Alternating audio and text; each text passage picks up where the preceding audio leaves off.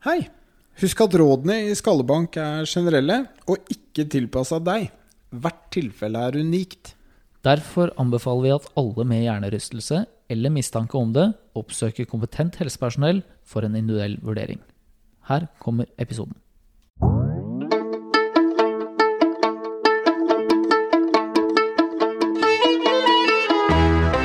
Hei, og velkommen til eh, Skallebank. Podkasten om hjernerystelse. Jeg heter eh, Narve Bjørneseth. Og jeg heter Lars Martin Fischer. I dag så skal vi snakke om baseline-testing. Hvem bør gjøre det? Hva er det? Eh, og hva er det godt for? Ehm, for hjernerystelse det kan jo påvirke hele hodet og mange forskjellige funksjoner. Det kan gi masse forskjellige symptomer. Så det kan ha en baseline-test. Det kan hjelpe oss å fange det opp, hvem som har hjernerystelse. Eh, og det kan hjelpe oss i forhold til å avgjøre hvem som er klare for å komme tilbake til idrett. For det er vel innenfor det paradigmet vi snakker om her i forhold til idrett, at dette er aktuelt. Er det ikke det, Narve? Jo, det er jo sånn at uh, hvis du har 100 stykker som har slått hodet, og 50 av de ikke driver med idrett, så, så skal jo de tilbake til et normalt liv. Mens alle idrettsutøvere løper en høyere risiko for å, å, få skader generelt. Og da er jo hodeskader en del av det. Um, det er noen idretter som, som, har høy risiko. Og så er det andre idretter som har veldig lav risiko. Hvis vi regner sjakk som en idrett, så der er lite hodeskader. Men hvis vi tar MMA i den helt andre enden av skalaen, altså nesten sånn bare knuckle fighting-variant, eh, cage fight, de har veldig høy forekomst av hjernerystelse. Og det en baseline-test gjør, den gjør jo oss i stand til å vite hvordan du fungerte før du ble skada. Ja, for det nytter jo liksom ikke å sammenligne deg etter en hjernerystelse mot eh, en normalverdi for gjennomsnittet av befolkningen eller gjennomsnittet av eh, MMA-fighter eller sjakkspiller eller, eller, hva du vil. Er, eh, du skal tilbake til ditt eh, normale funksjonsnivå.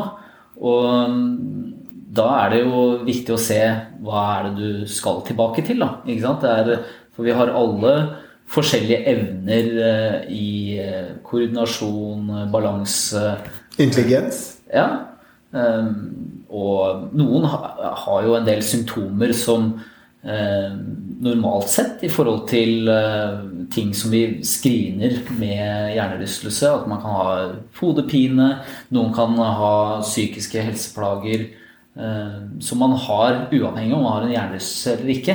Ja. Og da er det jo jævla dumt hvis, eh, hvis vi ser at eh, Gunnar slår ut på, på, at han er litt engstelig, og så setter vi det i hjernerystelsesbåsen, og så er han egentlig engstelig av, av natur. Og så holder vi den igjen, da. Ja. Nei, og det, det, skal vi jo ikke gjøre. Vi skal komme tilbake til der hvor Gunnar var før han slo hodet. Ikke ja. til den perfekte standarden som høyst sannsynlig ikke eksisterer. Så det, det, er jo kjempeviktig å understreke at en baseline er jo Det gjør oss i stand til å sammenligne deg med deg. For det er det vi egentlig skal vite noe om. Hvordan funker du før og etter skaden? For da sier det oss noe om når du er klar for å returnere til det du har mest lyst til å drive med, hvis det er idrett. Ja, det, Så det er jo opp mot idretten dette her er, er brukt. Ja. Uh, vi vet jo at halvparten av hjernerystelser skjer jo utafor idretten. Så det er klart at hvis du vet at du har en, uh, en eller annen aktivitet eller jobb hvor det er økt risiko for det, uh, så, så, kan man selvfølgelig ta en baseline da også, men, men for det vi skal snakke om videre her nå, så forholder det oss til eh, idrett, tenker jeg. Ja. ja. Og det som kanskje er kjempeviktig å understreke der òg, som det ofte ikke snakkes om Vi snakker om all idrett. Dvs. Si idrett for de som har en fullt fungerende normal kropp, og paraidrett.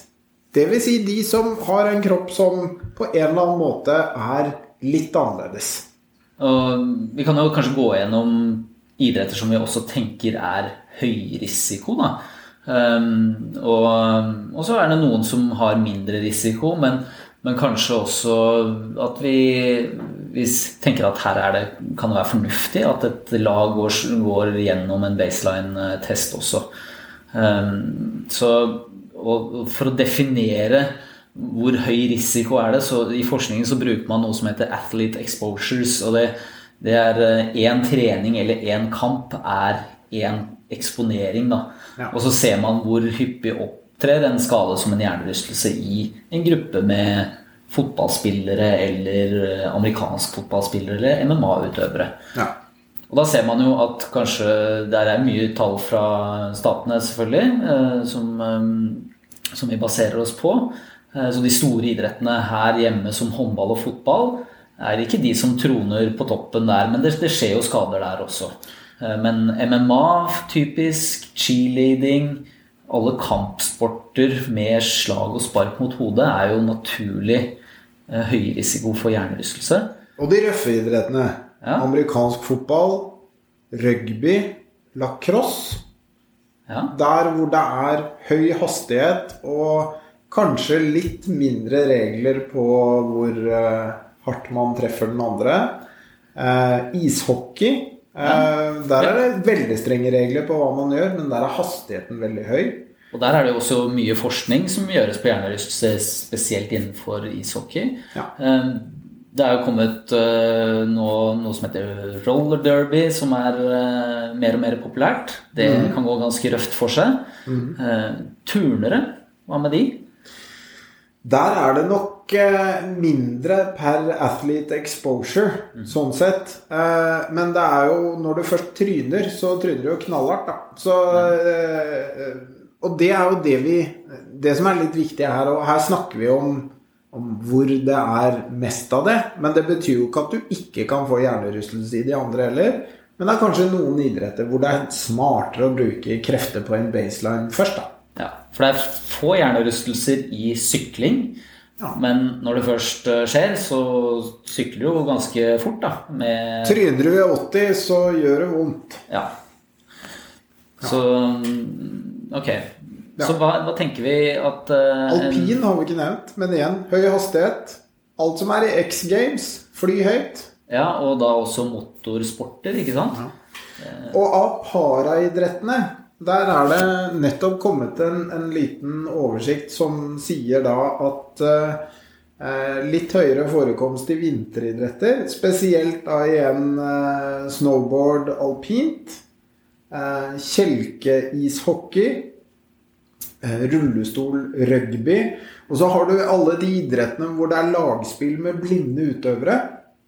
De har også en tendens til å slå hodet fort, for de skal nå ballen og ser ikke personen de som også løper mot den ballen. Mm. Da kan det bli eh, kollisjoner. Så paraidretter eh, der, der, er det også en god del, men der har vi lite data. Så der er vi ikke 100% sikre på hvor mange athlete exposures.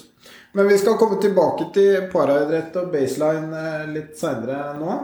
Er det flere idretter da? Jeg tror vi har nevnt nesten alle. Ja, men det holder du på med idrett, så, så er det jo ja. stort sett en eller annen risiko. Um, så om vi har uh, glemt noen, så beklager det. Men uh, når er det det er viktig, da? Eller når er det riktig å ta en baseline den, i forhold til sesong?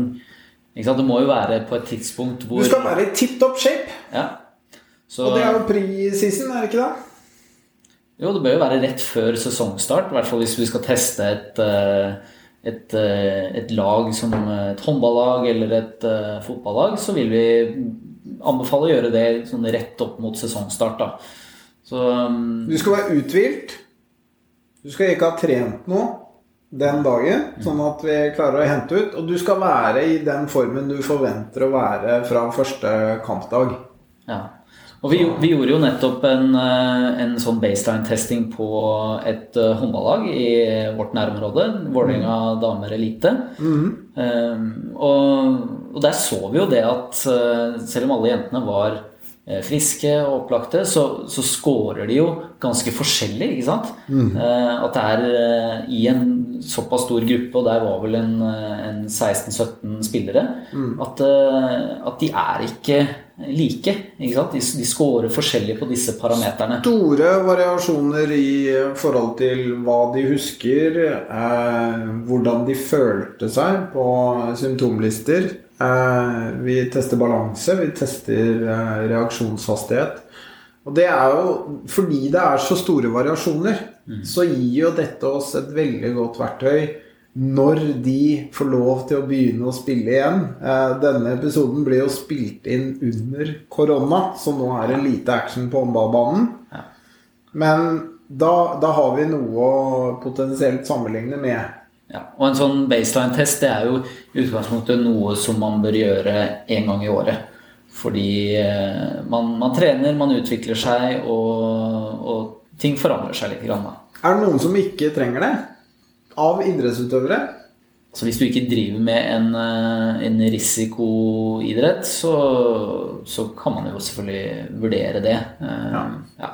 Og så mener man jo også at, at barn ofte har mindre utbytte av en baseline hvis de er veldig unge. For da skjer det så store utviklingsting hele veien at da, da kan du ikke 100 stole på de dataene du hadde med en gang.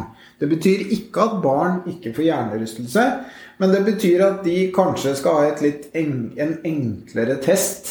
Eh, eh, hvis de eh, skal ha noe baseline i det hele tatt. Eh, så Og det vet vi jo. Vi skal, vi skal ta en egen, egen runde på det med barn, men de, Ja. de tar jo litt lengre tid. Ja. Og, og kanskje der eh, skal man nok eh, generelt sett bare smøre seg med litt ekstra tålmodighet med tanke på å ta det tilbake til sånne typer risikoidretter. Da. ja. Ja. Der er jo også heldigvis reglene i de fleste idretter lagt opp for å redusere risikoen for å få hjernerystelse i seg selv. Så, så det er jo en, eh, en, en, et smart grep man har tatt for å prøve å forebygge litt. Ja. Det liker vi. Ja. Så, så, men eh, ok, si at nå har vi noen spillere som har tatt en, eh, en baseline, og så er de så uheldige å få en hjernerystelse. Eh, Da har vi jo på en måte et sammenligningsgrunnlag, og, og da er det mye lettere eh, å si nå er du klar, eller du bør vente litt. Ja, for det er jo faktisk sånn at noen ganger trenger du ikke en baseline for å vite om en person har fått hjernerystelse eller ikke. Altså hvis du har, på et eksempel på håndballbanen, skalla og mista bevisstheten, da har du en hjernerystelse. Ferdig. For det er så mye krefter at hvis det gjør at du besvimer, da har du en hjernerystelse uansett om du har en baseline eller ikke. Så diagnostisk der så gir den oss ikke noe ekstra. Nei, men uh, nyttig i disse tvilstilfellene, da, kanskje? Ja. Er, er det Var det du besvimte ikke, men du var litt skeiv i skøytene etterpå, eller man er litt usikre, da er baseline kjempenyttig. For da kan vi jo sammenligne med Oi, du scorer jo veldig høyt på veldig mye rart her. Du har faktisk en hjernerystelse, selv om det ikke så sånn ut. Eller du scorer helt normalt. Dette var bare en dunk. Du har ikke en hjernerystelse.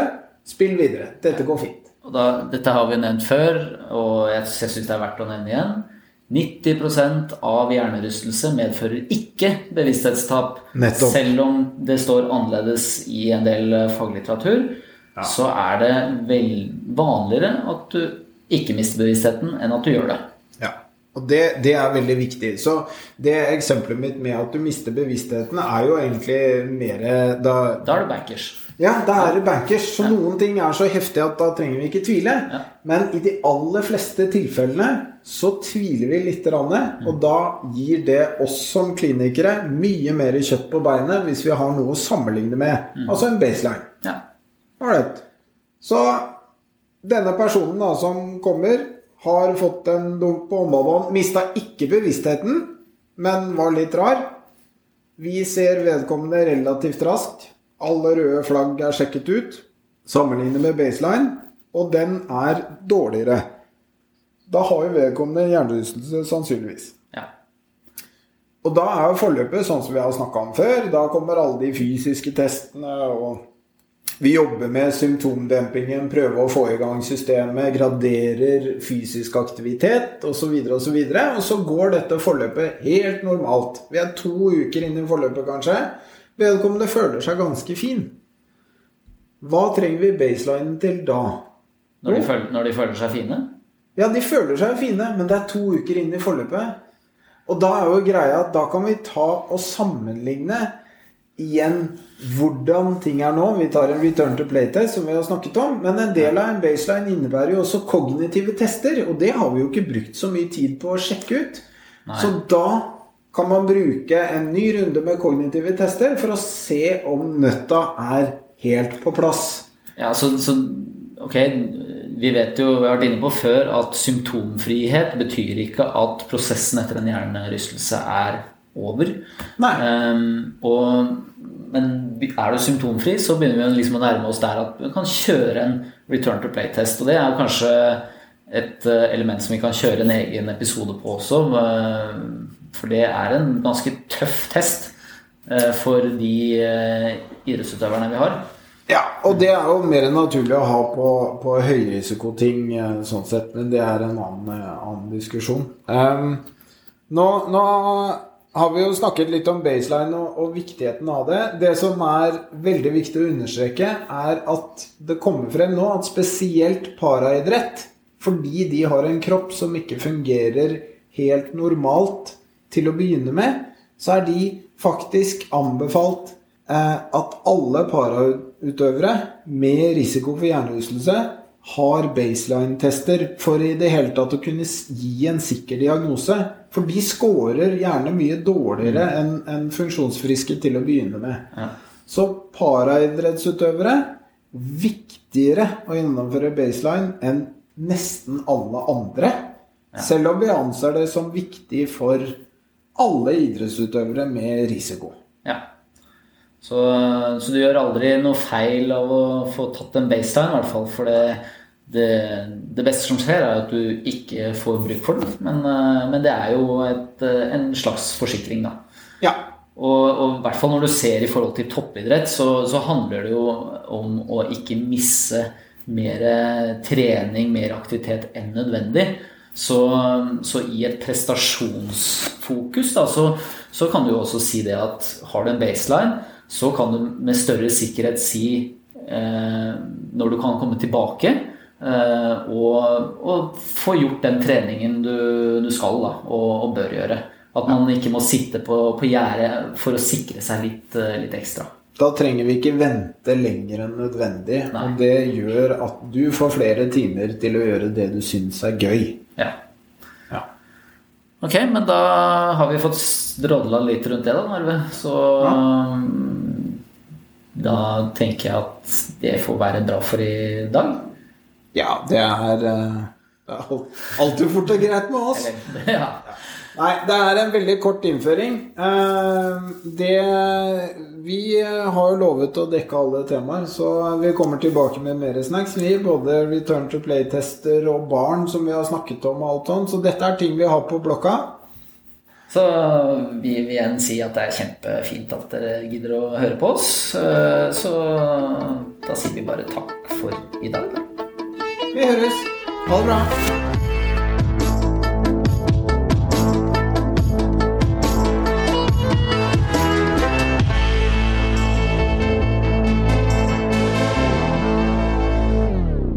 Hei, Lars Martin fra Skallbank her. Har du ris, ros, tilbakemeldinger, spørsmål, send oss gjerne en mail på skallebankpod at gmail.com. Du finner oss også på sosiale medier. Skallebank hjernerystelse på Facebook og Instagram.